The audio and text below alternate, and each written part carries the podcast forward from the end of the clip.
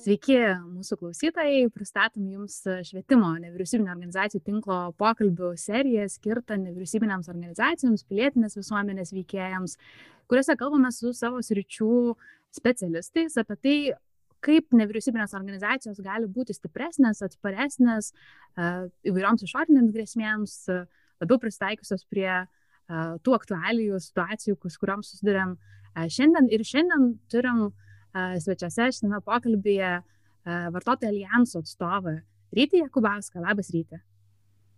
Labą dieną. Ir taip pat alijanso advokatė teisininkė, kaip suprantu, Daiva. Sveiki.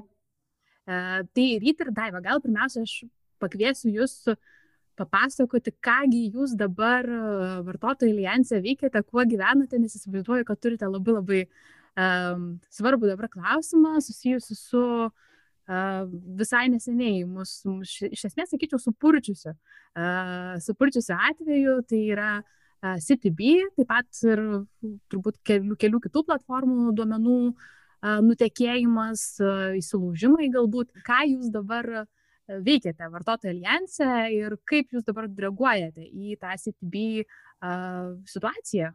Vartotojų alijansas yra vartotojų organizacija, kuri turi teisę vartotojų vardu kreiptis į teismą. Ir e, šiuo atveju mes kaip vartotojų alijansas e, ruošiamės grupės ieškiniui e, tam, kad galėtumėm grupės interesais, grupės vartotojų interesais kreiptis į teismą, gindami vartotojų interesus.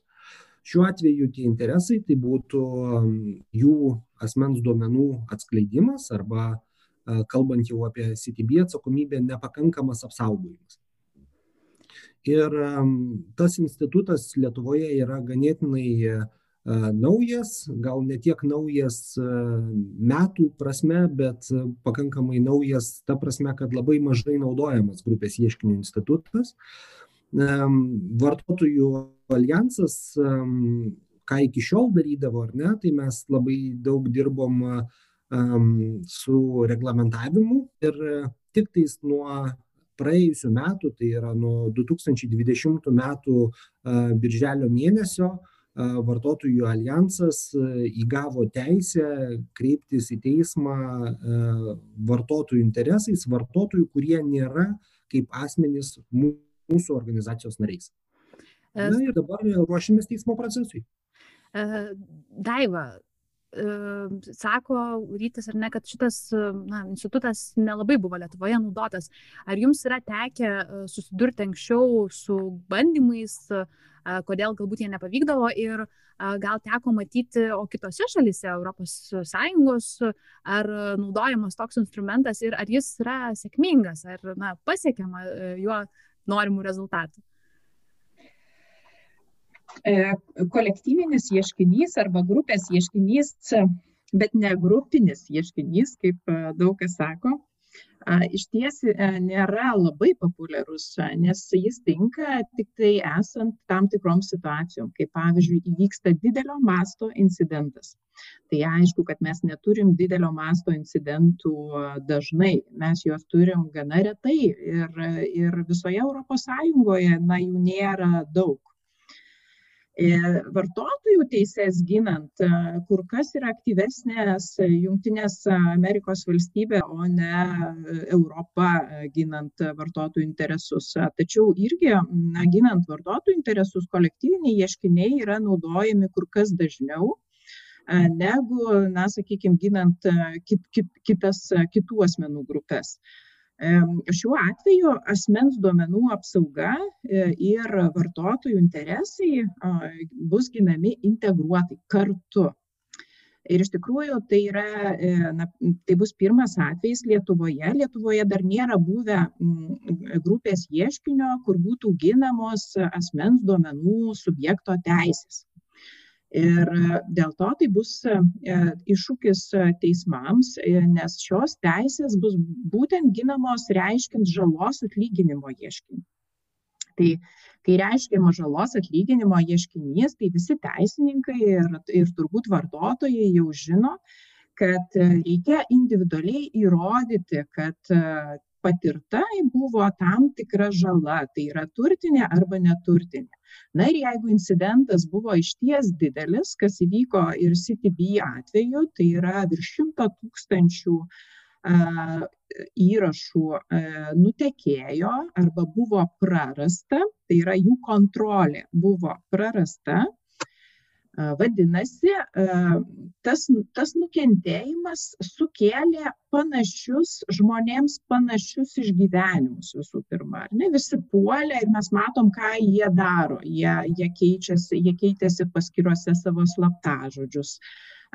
Jie keitėsi kredito korteles, jie kreipėsi pasikeisti vairuotojo pažymėjimus na yra mm, visas sąrašas dalykų ką vieni padarė kiti gal mažiau padarė bet mm, vienaip ar kitaip tie veiksmai mm, jie buvo daugmaž vienodi. Tai yra žmonės e, įgyvendino savo teisių įgyvendino savo pačių teisių apsaugą kuo greičiau patys ar ne? Tai yra ėmėsi svarbiausių tų apsaugos priemonių na ir kai jie ėmėsi priemonių tai be abejo jie ne tik kad susirūpinę jie jie ir toliau yra susirūpinę. Kodėl?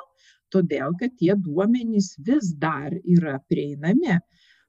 Jie vis dar yra parduodami ir juos vis dar galima įsigyti.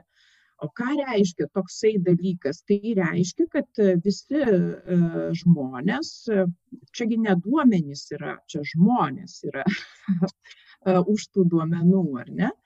Tai visi tie žmonės, kurie prarado duomenis, e, tai jie bijo, jog bus pasisavintas jų turtas. Ir ta grėsmė, kad bus pasisavintas jų turtas, na, šiandien yra gana, gana akivaizdi mane įtikino, tai turbūt reikės dar įtikinti ir teisme, ar ne, kur, dabar, kur dabar toliau keliauja, koks šiaip yra procesas, kiek laiko visą tai gali trukti ir kada mes jau išgirsime, galime tikėtis išgirsti apie rezultatus.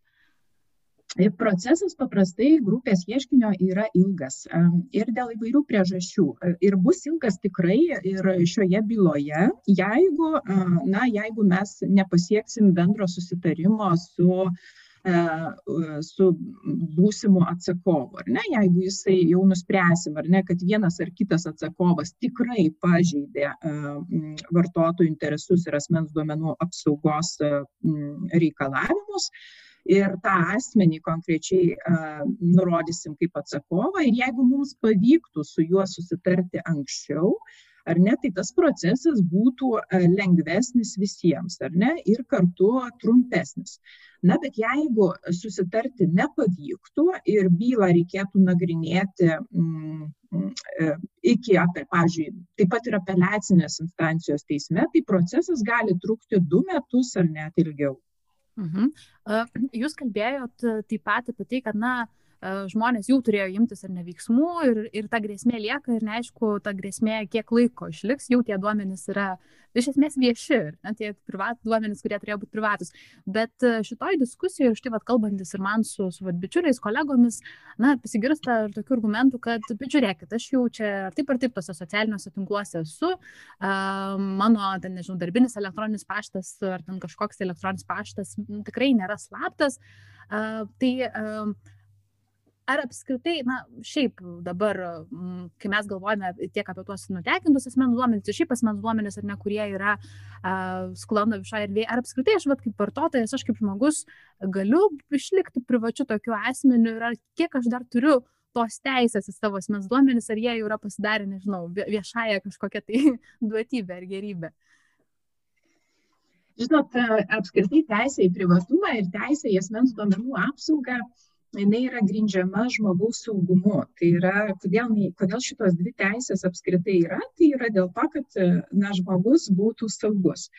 Ir tas, ta, ta prasme, kad kiekvienas turi teisę būti uh, savo privačioje erdvėje arba pasilikti savo duomenį savo, arba pats spręsti, kam jam atiduoti duomenis, o kam ne.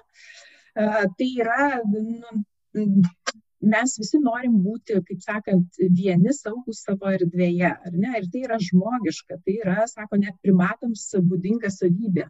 Kodėl jinai yra tokia? Nu, todėl, kad mes esame kūrybingi žmonės. Pas mus kūryba ir gimsta vienišume arba saugume. Ir dėl to tai ne tik kalba yra apie mūsų susirašinėjimą, pavyzdžiui, apie mūsų namų aplinką, ar ne, bet taip pat ir apie tuos asmens duomenis, kuriuos mes kažkam pateikėm, galbūt nuotrauką, kurioje E, nusifotografuojam ir esam, ar ne? Visgi mes, e, na, nors ir ją įdedam į, Facebooką, bet, e, sakykime, patys sprendžiam, ar norim, kad ją matytų visi ilgą laiką, ar norim, kad ją matytų tik mūsų draugai. Ir tada, pavyzdžiui, jeigu tą nuotrauką panaudoja kokia nors žiniasklaidos priemonė, tai mes galim ginčyti, sakysim, palaukit, palaukit, mes neleidom jums naudoti tos nuotraukos, ar ne? ir taip toliau, ir taip toliau. Kitaip tariant, ta teisė į asmens duomenų apsaugą, ji leidžia mums ginti e, kiekvieno iš mūsų e, teises, e, kurios yra pažeidžiamos internetinėje erdvėje arba mm, toje vadinamoje kibernetinėje erdvėje. Šiaip apskritai šitą duomenų apsaugos hm, teisę ir, ir praktika, ar ne, šitoje srityje, ko gero, yra pakankamai naujas dalykas ir vis dar besiformuojantis dalykas. Ar jūs pastebite, kad kinta ir, ir nežinau, kiekvienas va toks, toks atvejis, na, ko gero galėtumėm sakyti, kad įvykus CTB ir po to sekusiai eiliai kitų, kitų skandalų, žmonės tai pirmą, ko gero pirmą kartą Lietuvoje taip rimtai susirūpino savo asmens duomenimis, savo slaptažodžių saugumu ir panašiai. Ar jūs pastebite, kad na, šitas rytis keičiasi žmonėms ir organizacijoms, tai pradeda labiau rūpėti, ar vis dar mes per mažai apie tai kalbame? Aš manau, kad Lietuvoje tą pokalbį viską paskatino būtent bendrojo duomenų apsaugos reglamento priėmimas ES, kur šitas reglamentas turėtų būti taikomas tiesiogiai ir Lietuvoje. Ir žinoma, kas pirmiausiai susirūpino, tai tie, kuriems gana didelė atsakomybė yra numatyta pagal reglamentą. Tai jie pradėjo tvarkytis, ten, žinot, visas saugumo priemonės dėktis, vieni anksčiau, kiti vėliau, kiti pamiršo ten kažką padaryti ir tie incidentai vis dar atsitinka ir jie net ir viską padarius, jie vis tiek atsitiks e, pas valdytojus. Bet tai tikrai paskatino uh, mum, mūsų visuomenėje diskusiją apie tos teisės turinį, apie tos teisės į asmens duomenų apsaugą turinį ir ką čia mes visi turim padaryti. O jeigu kažkas atsitiko, tai kaip mes galėtumėm apginti savo, savo interesus. Ir šiandien tikrai yra labai daug būdų, kaip tai padaryti, ginant savo interesus.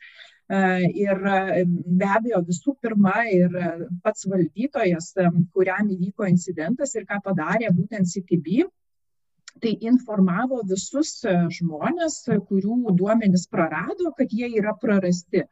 Ir iš tikrųjų, va, tas informavimas visuomenės ir yra BDR, tas bendrojo duomenų apsaugos reglamento pagrindinis, vienas iš pagrindinių principų, tas skaidrumas.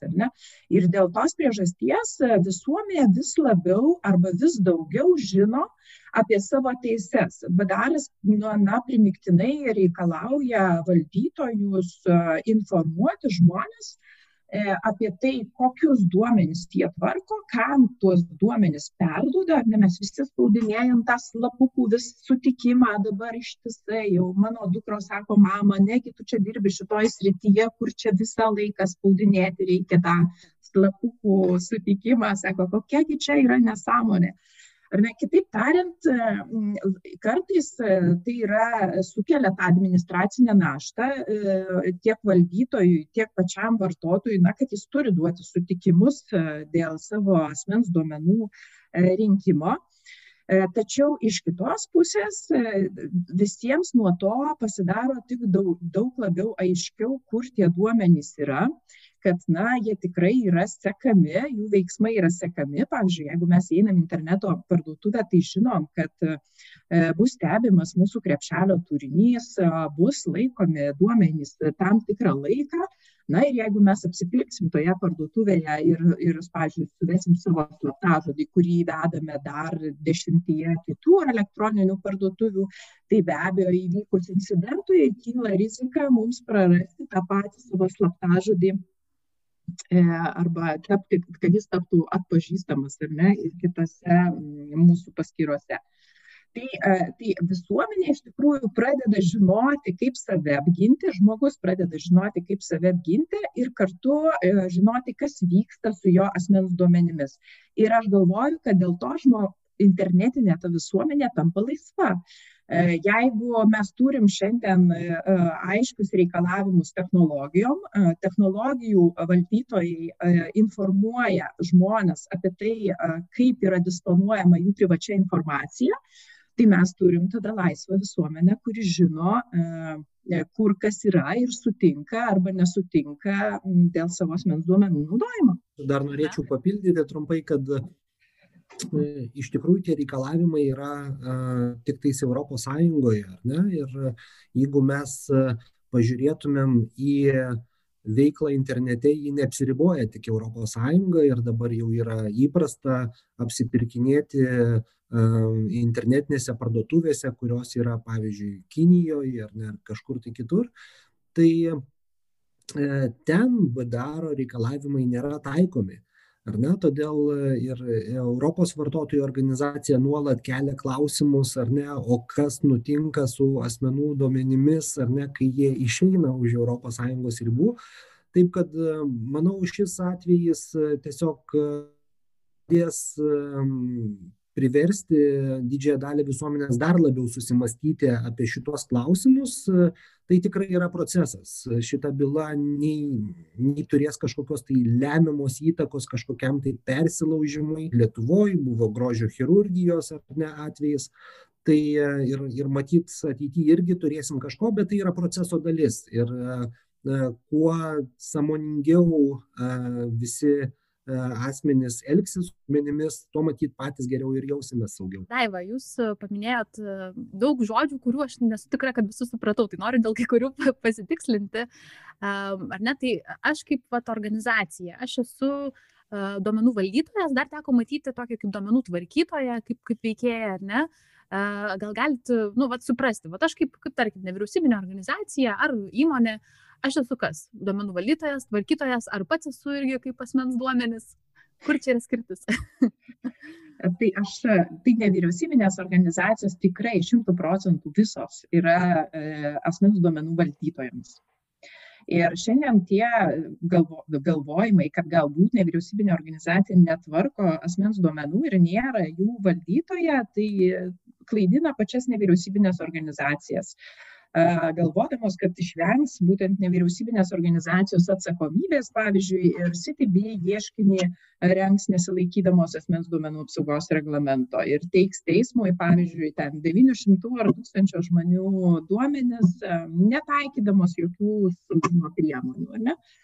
Tai labai galima apsirikti ir stipriai nukentėti, taip galvojant. Tai aš linkiu visom nevyriausybinėm organizacijom galvoti taip, kad jos tikrai tvarko asmens duomenis, jos yra tų asmens duomenų valdytojomis ir jos turi užtikrinti visas priemonės e, duomenų apsaugai, kurias turi užtikrinti įmonės ir valdžios įstaigos. Su du, asmens duomenim yra toks aspektas, kad, nu, pradėkim jau nuo to, kad kiekviena asociacija turi narių sąrašą štai jum iš karto asmens duomenys, ar ne?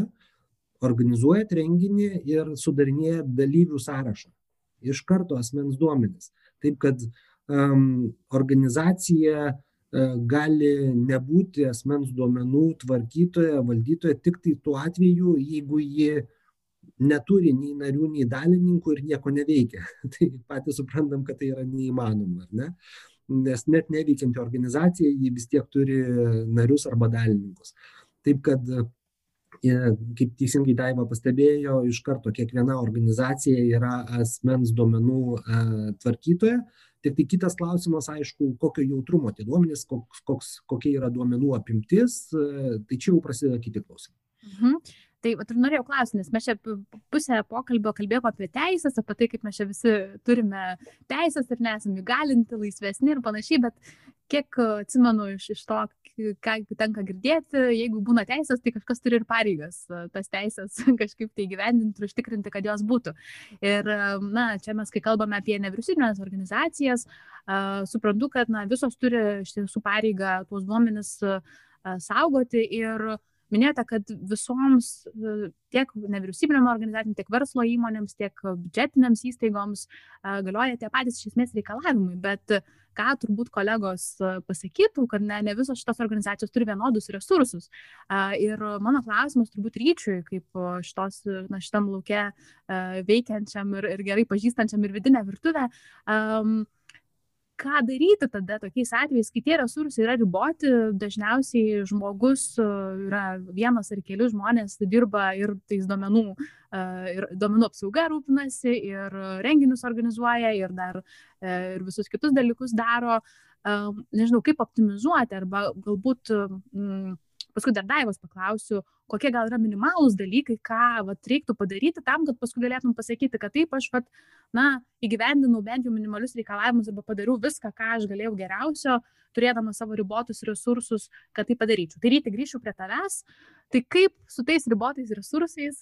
Kaip ir su daugeliu veiklų, geriausias rezultatas yra pasiekiamas skyrus pakankamai laiko planavimui. Tai, tai taip ir čia reikėtų savo atsakyti į tokius klausimus, kaip pavyzdžiui, kiek ir kokių duomenų mes renkame. Iš karto reikia pasistengti naudoti principą, kad nerinkim tų duomenų, kurių nereikia. Tai iš karto nuims apkrovą ar ne nuo duomenų apimties, nuo, nuo poreikio jos tenais tinkamai tvarkyti ar ne ir saugoti. Tai čia vienas aspektas. Kitas aspektas labai priklauso, aišku, nuo organizacijos naudojamų vidinių kažkokių tai techninių priemonių. Ne? Yra organizacijos, kurios nu, daugelį duomenų turi popieriuje įvardinkim taip ir e, galbūt informacines technologijas ten kokia bendruomenė naudoja tik tiek kiek naudoja elektroninį paštą. Tai jeigu elektroniniam pašte nesiuntinėja jokių asmens kodų ir ir ten dalyvių sąrašų tai tai beveik viską ir turi popieriuje ar ne tai čia yra tada vienoks apsaugos lygis. Visai kitas dalykas jeigu organizacija viską turi tuo labiau jeigu tai yra ne vienas asmuo ar ne o keli asmenys ir ir e, jie e, tuos duomenis turi kažkokiose tai platformose, debesyse galbūt laiko, turi atskiras prieigas ar net tie asmenys prie duomenų. Tai čia reikia tiesiog viską susiskaičiuoti visus viščiukus ir, ir susižiūrėti, ar ar prieigos yra saugios ar ne, ar neturi prieigos tie asmenys, kurie neturėtų turėti prieigos, išsispręsti tokius klausimus. Labai sunku pasakyti vieną vardiklį, kad va A, B, C, D, ar ne, ir va šitos padarė, jūs jau būsit viską išpildę. Nes iš tikrųjų reikia žiūrėti kiekvienos organizacijos individualią situaciją. Organizacija, kuri galbūt teikia socialinės paslaugas, turi tą taip vadinamą klientų sąrašą, ne, kur ten galbūt netgi yra lygos kažkokie tai duomenys, ne, ta, tos informacijos jautrumas yra visiškai kitoks negu organizacija, kuri praktiškai, jeigu ir daro kažkokius renginius, jie yra atviri visiems be jokių dalyvių sąrašų, maksimum, ką jie turi, tai duomenys apie savo ten narius arba dalininkus, ar ne? Tai čia yra vėlgi visiškai kita situacija. Todėl reiktų įsivertinti, kiek asmens duomenų apskritai atsiranda organizacijos veikloje ir tada žiūrėti techninės priemonės, tiek techninės, tiek organizacinės priemonės šitiems klausimams suvaldyti. Mhm. Daiva, ar, na, aišku, turbūt to praktika irgi yra pakankamai dar kol kas trumpa, bet ar atsižvelgiama, vat, na, įvykus, pavyzdžiui, kažkokiam incidentui ir uh, ar tai yra didelė korporacija, ar tai yra biudžetinė įstaiga, ar tai yra va, štai maža nevyriausybinė organizacija, ar yra kažkaip atsižvelgiama į organizacijų, nežinau, pajėgumus, žingsnius, kuriuos jie da, e, tos organizacijos darė, kad užkirstų kelią kažkokiem incidentam, ar vis tik na, visos yra lygios prieš šitą, prieš šitą principą domenų apsaugos. Čia galioja tas pats principas, e, esame visi skirtingi ir visi lygus, e, tačiau tas skirtingumas, jis irgi, jie yra atsižvelgiama, ar ne? Tai jeigu tai yra valdžios institucija, tai tai be abejo ir badaras e, sako kad e, turi visai kiti yra tvarkymo teisiniai pagrindai dažniausiai nereikia jokių sutikimų e, yra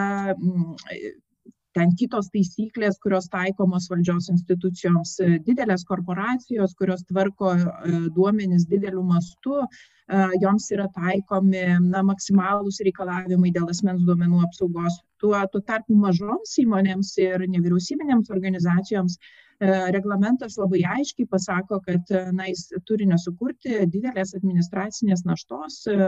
Tai aišku priežiūros institucijos kai jos vertintų incidentą kuris įvyko mažoje įmonėje ar nevyriausybinėje organizacijoje neabejoju kad atsižvelgtų į šį faktą beje pavyzdžiui skiriant baudą irgi atsižvelgiama į subjekto pobūdį. Tai yra tai yra ką tas valdytojas na kiek jis plačiai var tuos tuos duomenis naudojo kaip kiek pajamų jis apskritai uždirba ar ne ir ir ir taip toliau. Kitaip tariant pats subjektas irgi yra reikšmingas dalykas kai mes kalbame apie teisę į asmens duomenų apsaugą ir tiktai dar noriu vis pasakyti kad labai dažnai nevyriausybinėm organizacijom ir ir beje ir smulkiems verslininkams kyla tas pats klausimas. Jie kažkaip mano kad jie nedalyvauja asmens duomenų tvarkyme apskritai. Ir ir čia iš tikrųjų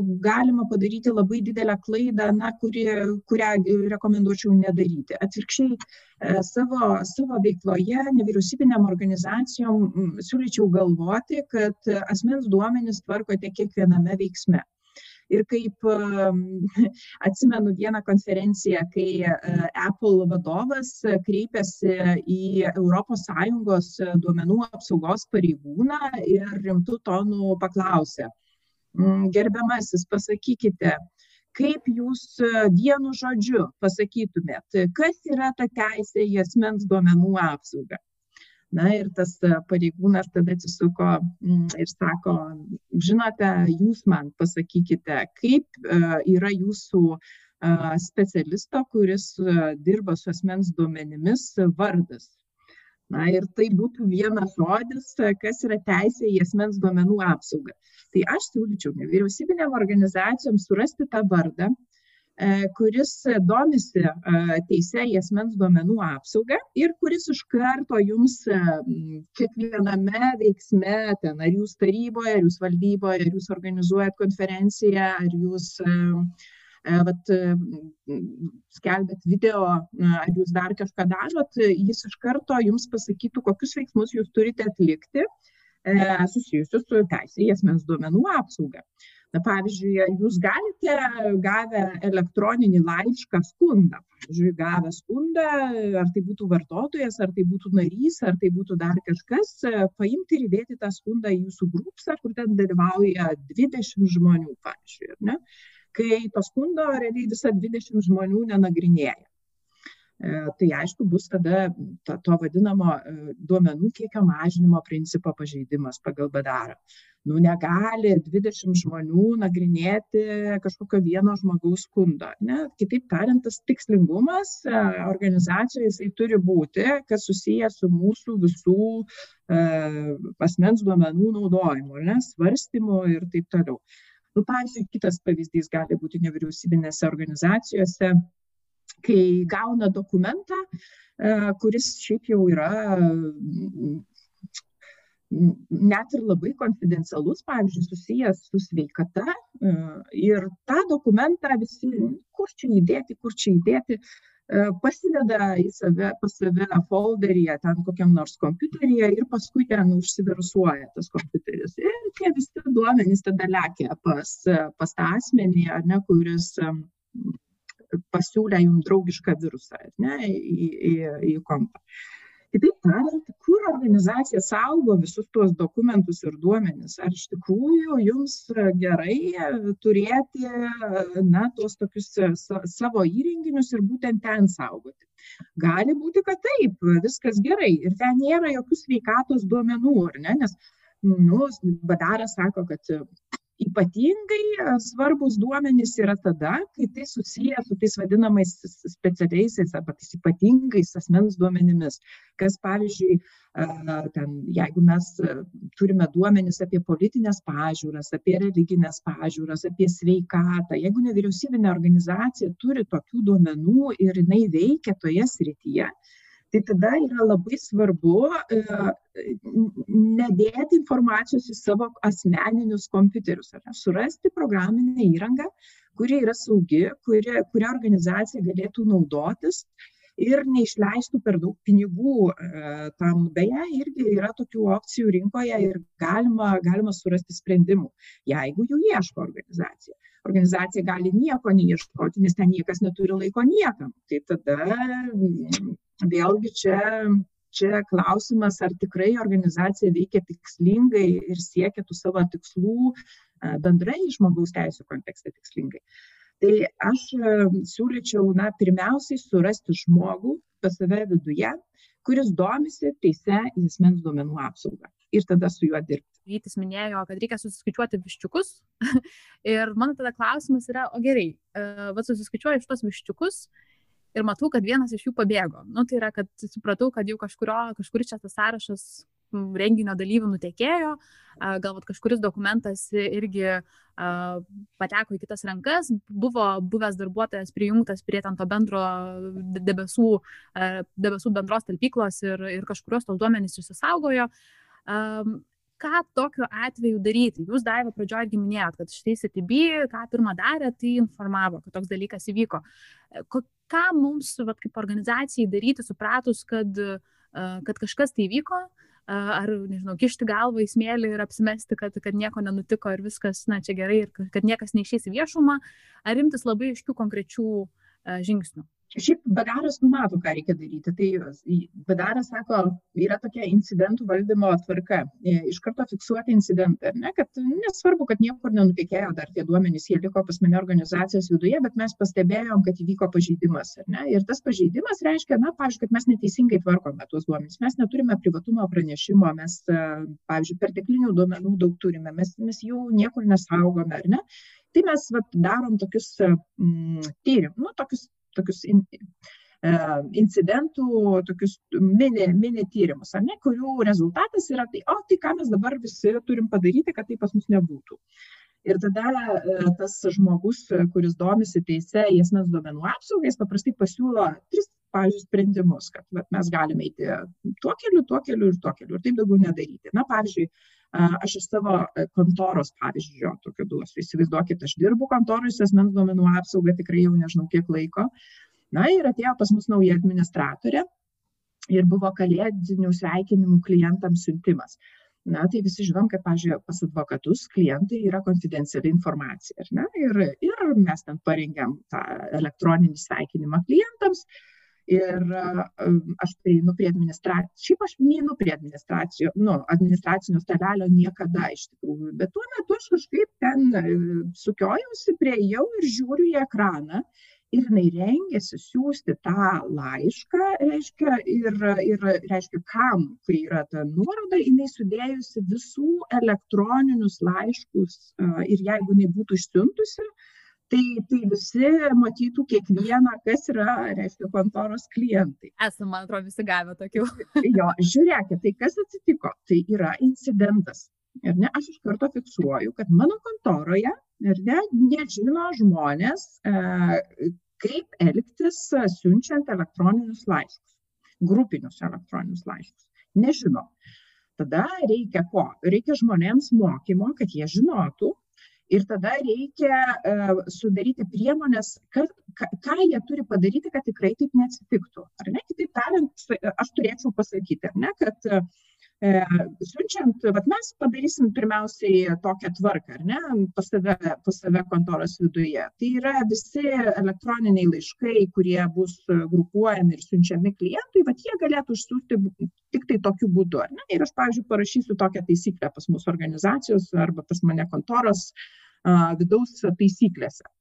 Ir tada bet kokia nauja administratorė atėjusi pas mane į kontorą, jinai susipažins su ta taisyklė ir man reikės ją vėl iš naujo mokyti tų pačių dalykų. Tai tie vadinami, kodėl tos, reiškia, taisyklės ir tos tie aprašymai elgesio, ne to proceso, kodėl jie yra kartais labai reikalingi mažiukams, tai yra mažoms įmonėms, bet būtent dėl to, kad labai keičiasi žmonės pas juos viduje ir neįmanoma kiekvieno žmogaus padaryti kompetitingu, pavyzdžiui, teisėje į asmens duomenų apsaugą. Dėl to tas vat, vieno puslapio to tokio standartinio elgesio pasirašymas, tai žiūrėk, jeigu tu siunti elektroninį laišką grupiai žmonių, tu negali daryti va, tokių veiksmų. Jeigu tu organizuoji konferenciją, visų pirma, ką tu turi padaryti, reiškia tai parengti privatumo pranešimą ne, ir pasakyti, kokius duomenis tu rinksi. Ne? Jeigu tu norėsi, kad konferencijos metu dalyviai vieni apie kitus susižinotų, tu turi gauti sutikimus tų dalyvių, kad e, jų informacija būtų, tai yra, pažiūrėjau, elektroninis, e, elektroninio pašto adresas, e, vardas ir pavardė būtų perduoti kitam dalyviui. Ne, jis turi sutikti su tuo. Kitaip tariant, tu turi pasirūpinti, kad konferencija, kurią organizuoja nevyriausybinė organizacija, arba kitas renginys, jis būtų organizuojamas tinkamai. Tai yra tas priemonių ratas, kurį, kurį galima įgyvendinti norint tai padaryti ir vieną kartą tai padarius, po to yra visada lengviau. E, tai, tai aišku, kad reikia tą, tą tokį paketą savo priemonių turėti. Ir kadangi tie incidentai, dar žinokit, jie yra labai skirtingi. Ne? Čia aš jums paminėjau tik tai tą elektroninio laiško išsiuntimą, ne kaip, kaip tokį incidento pavyzdį, bet jų, žinokit, yra nu, be galo daug yra ir tikrai labai įvairių ir, ir jų čia visų mes nesuminėsim. Uh, ir apskritai pavyzdžiui net jeigu jūs pasirengsit visas tvarkas ten būsite super uh, užsitikrinę visą teisę į asmens duomenų apsaugą tai aš garantuoju kad incidentai jūsų organizacijoj vis tiek bus kiekvieną dieną nu gal net kas antrą dieną Ir ką, gerai, ir va tą, ką daryti to kiek, kiekvieną kartą su incidentu, ar ne? E, įtraukti jį iš naujo, iš naujo galvoti, kaip jį daryti, įtraukti sąrašą, e, ką daryti, susidūrus kiekvieną dieną su naujų incidentu. ir taip yra, žinokit, pavyzdžiui, bankuose taip ir yra, e, jie turi net atskiras žmonių grupės, kurios dirba su incidentais, ne? nes tikrai ten yra kiekvieną dieną tų incidentų susijusių su asmens duomenimis. Nu nevyriausybinės organizacijos gal tikrai neturės kiekvieną dieną tokių problemų, mm, tačiau jos vis tiek turėtų nu, turėtų turėti tą atsakingą žmogų, kuris sakytų, va, viskas, dabar pas mus organizacijoje atsitiko problema ir tą problemą aš norėčiau spręsti.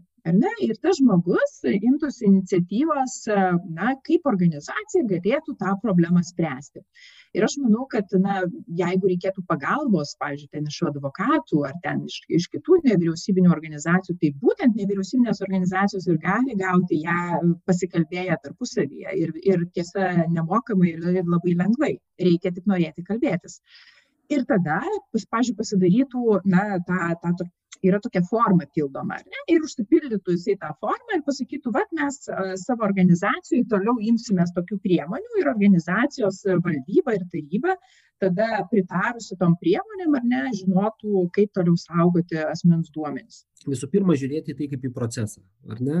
E, tikrai, kaip teisingai Daiva pastebėjo, neįmanoma taip apsirašyti, susireguliuoti ir kad e, viskas daugiau galėtumėm ramiai sau gyventi, žinodami, kad niekada mes neturėsim reikalų su asmens duomenų ten kažkokiais tai incidentais. O aprašymas tai, yra dar viena, ar ne dar klausimas apie to aprašymo laikais. Taip, tai, tai, tai todėl tiesiog reikia, reikia visų pirma reikia pradėti nuo kažko, nes tikrai nemažai organizacijų nežengia to pirmo žingsnio, ar ne? Tai pradėkime nuo to, kad reikia turėti kažkokią tai privatumo politiką, ar ne, kažkokias tai tvarkas apsiračius.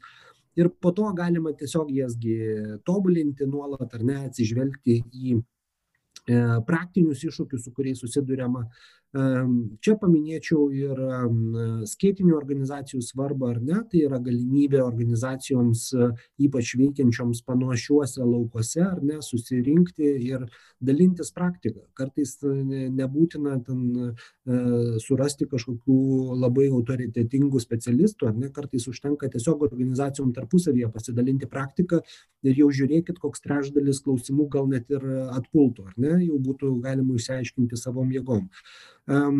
žinoma, nuolatinių mokymų, galbūt tie mokymai neturėtų būti, žinot, tie tokie teoriniai, bet galėtų būti per praktinius pavyzdžius.